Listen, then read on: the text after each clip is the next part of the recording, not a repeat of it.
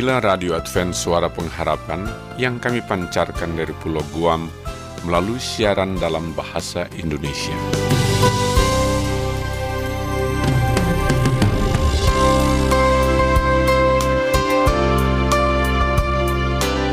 Salam sejahtera kami ucapkan kepada pendengar setia kami di mana pun Anda berada. Selamat berjumpa kembali dengan kami, Radio Advent Suara Pengharapan. Dengan senang hati kami akan menemani Anda dengan rangkaian acara yang telah kami persiapkan khusus bagi Anda sekeluarga. Harapan kami, semoga siaran ini dapat bermanfaat dan menjadi berkat bagi Anda semua.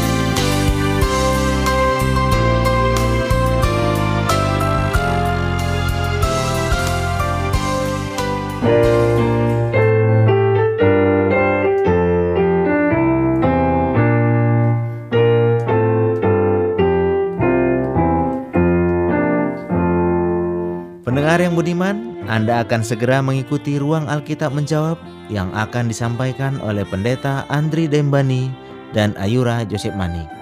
Sebuah program yang dipersiapkan dengan seksama, syarat dengan jawaban-jawaban Alkitab yang ringkas dan logis untuk berbagai pertanyaan Alkitab. Dari, studio kami ucapkan selamat mengikuti. Bila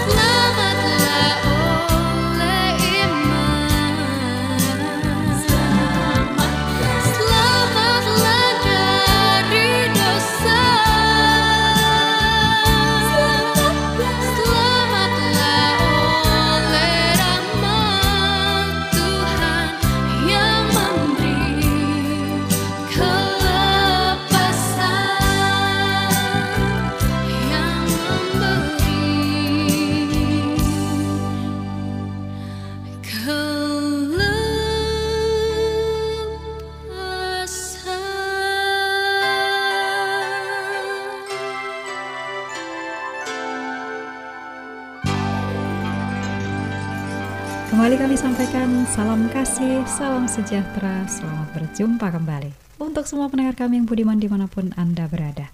Dan saat ini kita mengucap syukur untuk waktu yang kita miliki untuk boleh melanjutkan ruang Alkitab menjawab. Dan kembali kita juga bersyukur karena Tuhan sudah memampukan hambanya untuk setia melayani kita ya para pendengar yang budiman. Mari kita sapa dulu Pendeta Dembani yang saat ini sudah hadir bersama dengan kami di studio. Selamat datang Pendeta, terima kasih pelayanannya yang terus menerus. Bagaimana kabarnya ini? Amin. Luar biasa Ayura. Itu semua adalah oleh karena berkat Tuhan bagi saya, bagi Ayura dan bagi pendengar tentunya. Baik, jadi ini luar biasa ya para pendengar. Bahkan Ibu Pendeta pun saat ini mendampingi loh untuk memberi semangat nih kepada hamba. Tuhan ini ya. jadi kita doakan supaya keluarga ini pun terus menerus untuk Amin. bisa menerima Puji dan Tuhan. menjadi berkat buat semua kita. Amin. Pendeta, kita mau Ya, lanjutkan ini. gimana, Ini ya? topik bahasannya belum selesai Betul, tentang Roh betul Kudus dan dosa yang tidak dapat diampuni. Dan kita sudah lihat dari dua pertemuan yang sebelumnya apa sebetulnya Hmm. eh, penjelasan dari dosa yang tidak dapat diampuni ini. Nah, ini saya langsung saja, pendeta. Ya. Kapan sih ada nggak ya eh, saat di Alkitab ada generasi atau pada saat kita hidup lah sekarang ini pendeta yang nanti akan menunjukkan pada kita Ya. yang secara keseluruhan itu eh, ternyata terlibat nih melakukan dosa yang tidak dapat diampuni.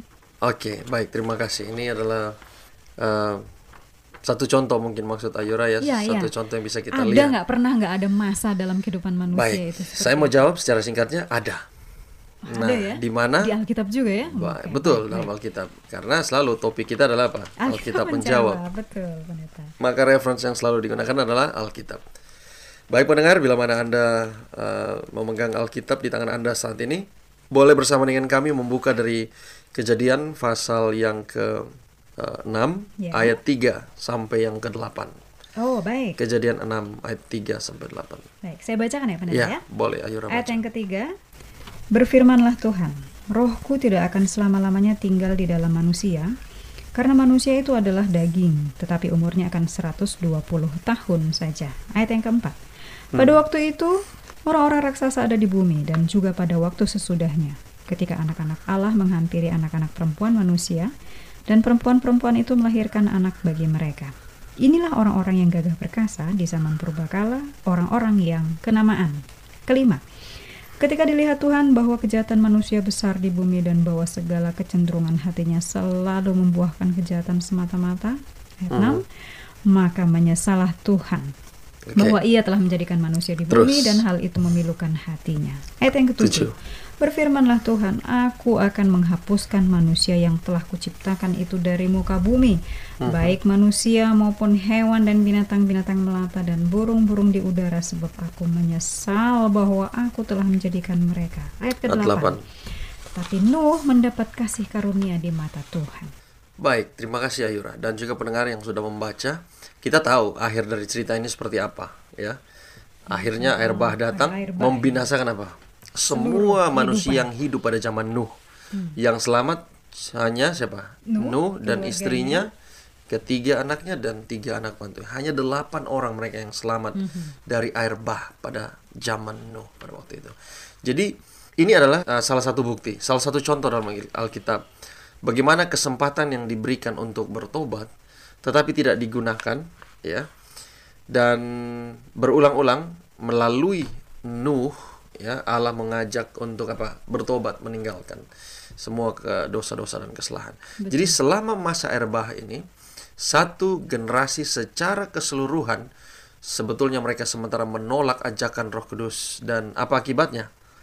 Allah tidak bisa bikin apa-apa ya. lagi. Betul, dan betul. itu yang yang kita sudah bahas dalam pertemuan-pertemuan kita sebelumnya. Jadi ya kita bersyukur sekarang tidak Allah katakan tidak ada lagi air bah ya, tetapi Ya, ada itu pembinasaan yang lain. Allah, betul. Ya. Jadi tidak ada yang Allah dapat lakukan selain membinasakan seluruhnya satu generasi itu. Hanya kecuali Nuh dan keluarganya. Jadi itu memang tercatat dan itu Alkitab di awal. Alkitab Betul ya sekali. ya. Betul. Seluruhnya hanya Seluruhnya satu hanya keluarga satu saja keluarga itu yang tidak. Selamat ya. Jadi Tuhan ya? sudah berulang-ulang kali selama berapa tahun? Ayura masih ingat? Eh, Serah- saja 120 tahun. 120 tahun himbauan ajakan itu Nuh tujukan kepada orang-orang sebangsanya, tetangga-tetangganya ya, dan juga orang-orang yang berada di sekitarnya. Tetapi bahkan juga dengan mengutus roh dengan kuasa yang besar, tapi itu tidak membawa satu perubahan bagi orang-orang yang hidup saat itu. Dan Tuhan mengatakan dalam ayat yang ketujuh apa? Dia menyesal Menyesal telah, telah menciptakan mereka. manusia. Jadi di situlah awal mula Tuhan uh, mau membinasakan orang-orang pada waktu itu. Jadi sebenarnya kalau kita aplikasikan dalam kehidupan kita saat ini, Roh Kudus itu sebetulnya itulah yang kita sudah bahas dalam perannya ya, pada Betul, pertemuan kita pada minggu pertemuan lalu sebelumnya ya. bahwa fungsinya adalah untuk menobatkan kita dari dosa kita. Hmm. Dan Roh Kudus juga yang menuntun kita untuk apa? Mengaku dosa, menuntun kita kepada satu uh, proses pertobatan. Betul. Jadi bila mana kita menolak kuasa pertobatan dari Roh Kudus, sebetulnya kita itu sementara apa? Mengeraskan hati kita. Dan bila mana kita menolak untuk menyerahkan diri kepada pimpinan Roh Kudus, maka ini sebetulnya menunjukkan bahwa hati kita itu sudah keras, tidak bisa lagi didatangi, dibisikin, dipengaruhi oleh Roh Kudus dan ya akhirnya kita tidak mempunyai kesempatan untuk apa bisa bertobat dan untuk selamat. Kira-kira seperti itu. Itu satu contoh yang bisa diberikan dalam Alkitab. Baik, baik. Jadi ini luar biasa satu Luar biasa, generasi. satu generasi. Semuanya ya. Waduh, nggak nggak Betul. kebayang deh hidup di masa di mana memang hanya sangat sedikit, hanya satu keluarga yang kemudian Betul. mendengarkan tentang pengaruh Roh Kudus. Nah, tadi pendeta saya tertarik. Pendeta katakan bahwa e, mengingatkan kembali bahwa memang fungsi Roh Kudus itu menolong orang untuk kepada proses pertobatan dan lain e, sebagainya, mengingatkan, menginsafkan. Nah, itu kan juga kita dapatkan dari firman Tuhan yang saat ini tersedia dalam tulisan yaitu dalam kitab suci. Itu e, terhubung nggak dengan Ada hubungannya? Ya, ya. ada hubungannya nggak juga dengan peran Roh Betul. Kudus ini? Terima kasih. Jadi apa yang Ayura tanyakan ini persis seperti apa yang saya akan jelaskan Oh, adalah jadi- bahwa selain nih ya selain daripada menginsafkan manusia akan dosa, ada fungsi lain daripada Roh Kudus. Hmm. Nah, jadi itu ada hubungan yang pertanyaan Ayura tadi bagaimana Alkitab ini diproses, ditulis, seperti apa sih sebetulnya? Nah, mungkin ini juga menjadi pertanyaan bagi pendengar. Mari kita sama-sama buka bila mana pendengar sementara memegang Alkitab di tangan saudara, boleh buka dalam 2 Petrus 1 ayat yang ke-21. Mungkin Ayura boleh bantu saja untuk membaca, mungkin ada pendengar yang tidak sempat membuka Alkitabnya. Baik, 2 baik. Petrus 1 ayat 21. Ya, demikianlah firman Tuhan. Sebab tidak pernah nubuat dihasilkan oleh kehendak manusia, tetapi oleh dorongan Roh Kudus orang-orang berbicara atas nama Allah. Terima kasih. Jadi apa yang disebutkan dalam ayat tadi, pendengar dan juga Ayura bahwa orang yang mencatat menuliskan Alkitab ini bukan mereka menuliskan sesuai dengan keinginan hati mereka Ya, saja, tidak. bukan direka-reka ya, But, ya. betul sekali. Ada satu kuasa yang menuntun mereka, mengilhami mereka Hmm. sehingga mereka dapat menuliskan semua isi Alkitab ini. Berbicara tentang mengilhami, coba mungkin Ayura boleh bantu saya lagi untuk baca dalam 2 Timotius 3 ayat 16. Baik. Itu ayat yang bisa menguatkan ayat sebelumnya. Oke, 2 2 Timotius 3 ayat yang ke-16. Segala tulisan yang diilhamkan Allah memang bermanfaat untuk mengajar, untuk menyatakan kesalahan, untuk memperbaiki kelakuan, dan untuk mendidik orang dalam kebenaran. Terima kasih. Jadi apa yang disebutkan ayat ini tadi kalau dalam terjemahan bahasa Inggris sana lebih jelas bahwa semua tulisan itu diilhamkan Allah. Maksudnya Alkitab. Ya, Alkitab apa yang ada dalam Alkitab ini itu datangnya dari Allah. Jadi ada unsur manusia sebagai yang menuliskan, tetapi ada juga unsur Allah yang menuntun, mendrive dalam bahasa Inggrisnya, ya, yang apa ya mengatur, ya seperti fu- fungsi supir kendaraan yang besar itu bisa jalan ke mana-mana saja, tergantung supirnya itu mau bawa ke mana. Jadi Ya, ibarat ya. manusia, kalau yang mendrive dia itu Roh Kudus, maka dia akan jalan di jalan yang benar. Nah, salah satu fungsinya adalah untuk menuliskan Alkitab, menuntun orang ke- kepada apa? Kebenaran, Kepada fungsi daripada Alkitab. Jadi ya. begitulah proses penulisan Alkitab ini bagaimana dibuat itu secara singkat kalau bisa saya jelaskan ya. Jadi kuasa Roh Kudus itu mengilhami para penulis kemudian mereka menuliskan jadilah seperti ya prosesnya lebih panjang lagi sebetulnya tapi secara singkat eh, itu yang bisa saya berikan kepada Ayura bagaimana Alkitab itu dituliskan. Kira-kira Baik, demikian. baik. Jadi itu memang sebetulnya sangat berhubungan ya pendeta ya, Betul, itu bahwa salah satu fungsi itu daripada fungsi Roh Kudus berikut dari Roh menuntun Kudus, orang para menuntun penulis orang Alkitab. Kepa- dalam kebenaran Allah. Betul. Nah, eh, jadi Roh Kudus, jadi dari kealahan itu Roh Kudus lah yang memberikan ilham dan kemudian dituliskan dan kemudian em, kalau tadi ayat itu katakan kan Roh Kudus juga yang menuntun mendidik kita di dalam kebenaran Allah. De- Betul. Benar demikian ya pendeta. Betul. Ada eh, tambahan lagi ayat-ayat yang boleh menguatkan untuk hal ini. Iya. Baik Ayura, terima kasih. Ini adalah satu pertanyaan yang sebetulnya ada hubungannya dengan apa yang sudah kita singgung pada uh, pembahasan-pembahasan kita sebelumnya. Ya. Uh, di dalam Yohanes pasal 16, saya pikir Ayura sudah pernah membacakan itu ya, Ya. ayat yang ke-8 yang lalu kalau saya tidak salah sebutkan. Ya. Yohanes 16 ayat ke-8. Jadi di sana disebutkan bila ia datang ya, siapa yang dimaksudkan ia di sini adalah Roh Kudus. Roh Kudus. Betul. Ya, bila Roh Kudus itu datang, dia akan menuntun kita seluruhnya ke dalam kebenaran. Jadi ini yang uh, Ayura tanyakan tadi, ya apa yang disebutkan di sini pribadi mana yang menuntun kita dalam kebenaran itu?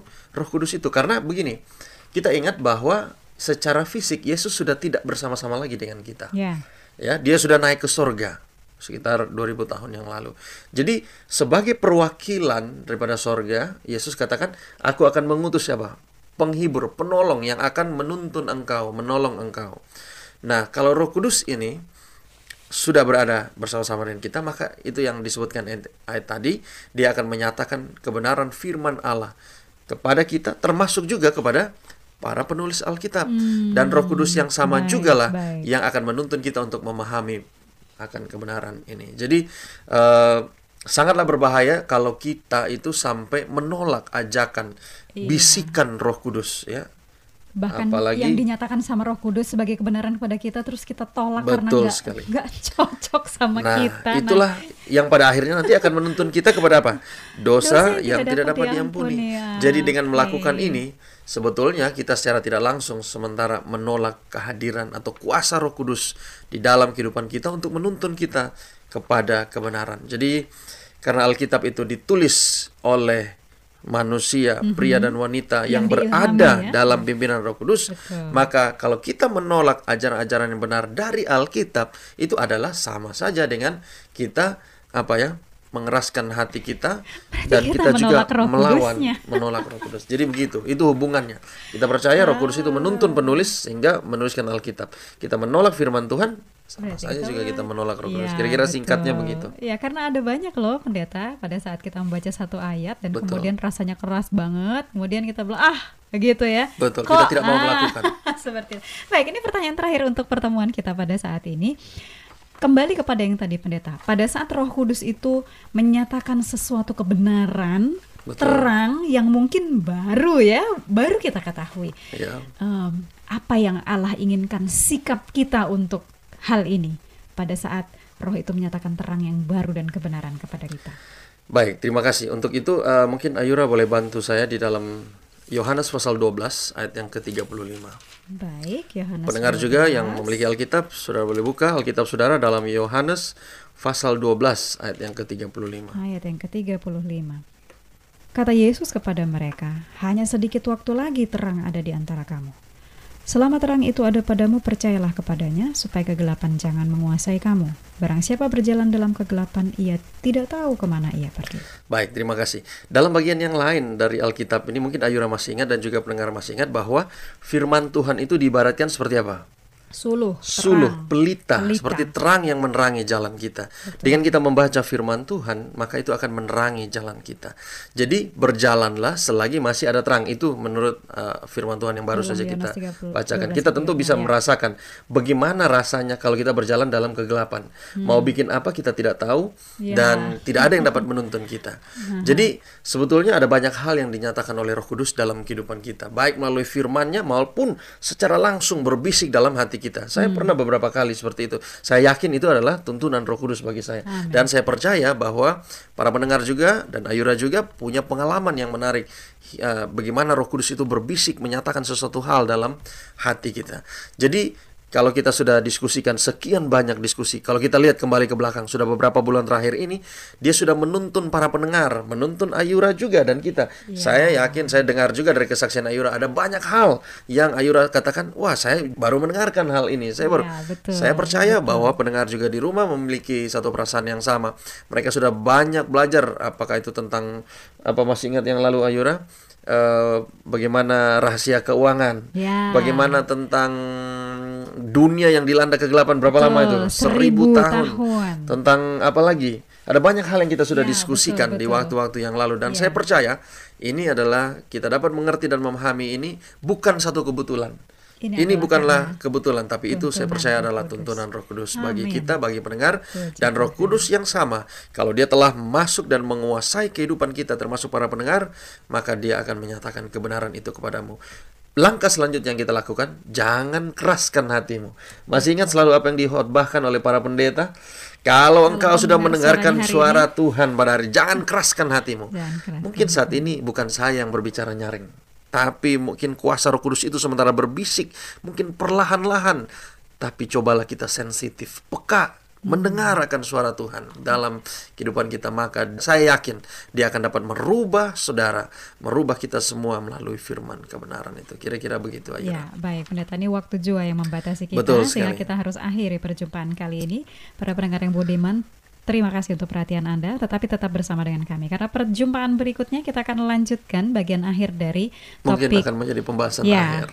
tentang dosa yang tidak Kudus. dapat Roh Kudus dan dosa yang tidak dapat diampuni. Sampaikan pertanyaan Anda kepada kami. Alamat lengkapnya ada di penghujung dari eh, rangkaian program Radio Advent Suara Pengharapan. Dan pendeta, mohon kembali kami didoakan untuk pelajaran yang baru kita terima bersama. Baik, mari Ayura dan juga pendengar kita sama-sama berdoa. Bapa kami dalam sorga, Allah yang baik, Allah yang maha pengasih, kami berterima kasih Bapa kesempatan yang indah Engkau telah berikan bagi kami. Iya. Kami boleh dapat melanjutkan lagi akan pembahasan firman-Mu. Kami sudah berada di penghujung daripada pembahasan ini. Kami berdoa biarlah apa yang sudah kami dengarkan dan pelajari, yaitu kuasa Roh Kudus, boleh senantiasa berbisik dalam hati kami masing-masing. Agar kami dapat mengetahui akan rencana Tuhan dalam kehidupan kami agar kami dapat berjalan di dalam terang dan agar kami dapat uh, melakukan semua apa yang Kau kehendaki dalam kehidupan kami. Bapa mungkin kami masih bergumul. Selama ini mungkin kami masih jarang berdoa.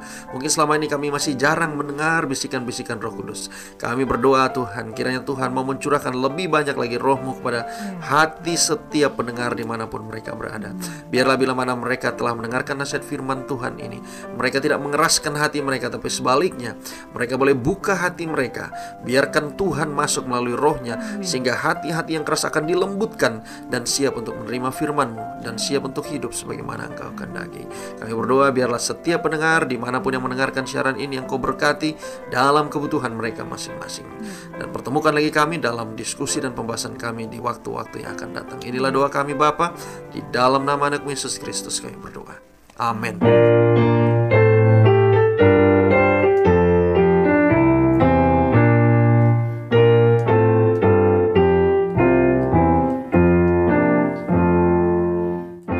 Kita baru saja mengikuti ruang tanya jawab Alkitab dan kami berharap juga mendoakan bahwa program ini bukan hanya menjawab pertanyaan, tetapi juga dapat digunakan sebagai pedoman bagi para pencari Tuhan yang sungguh-sungguh.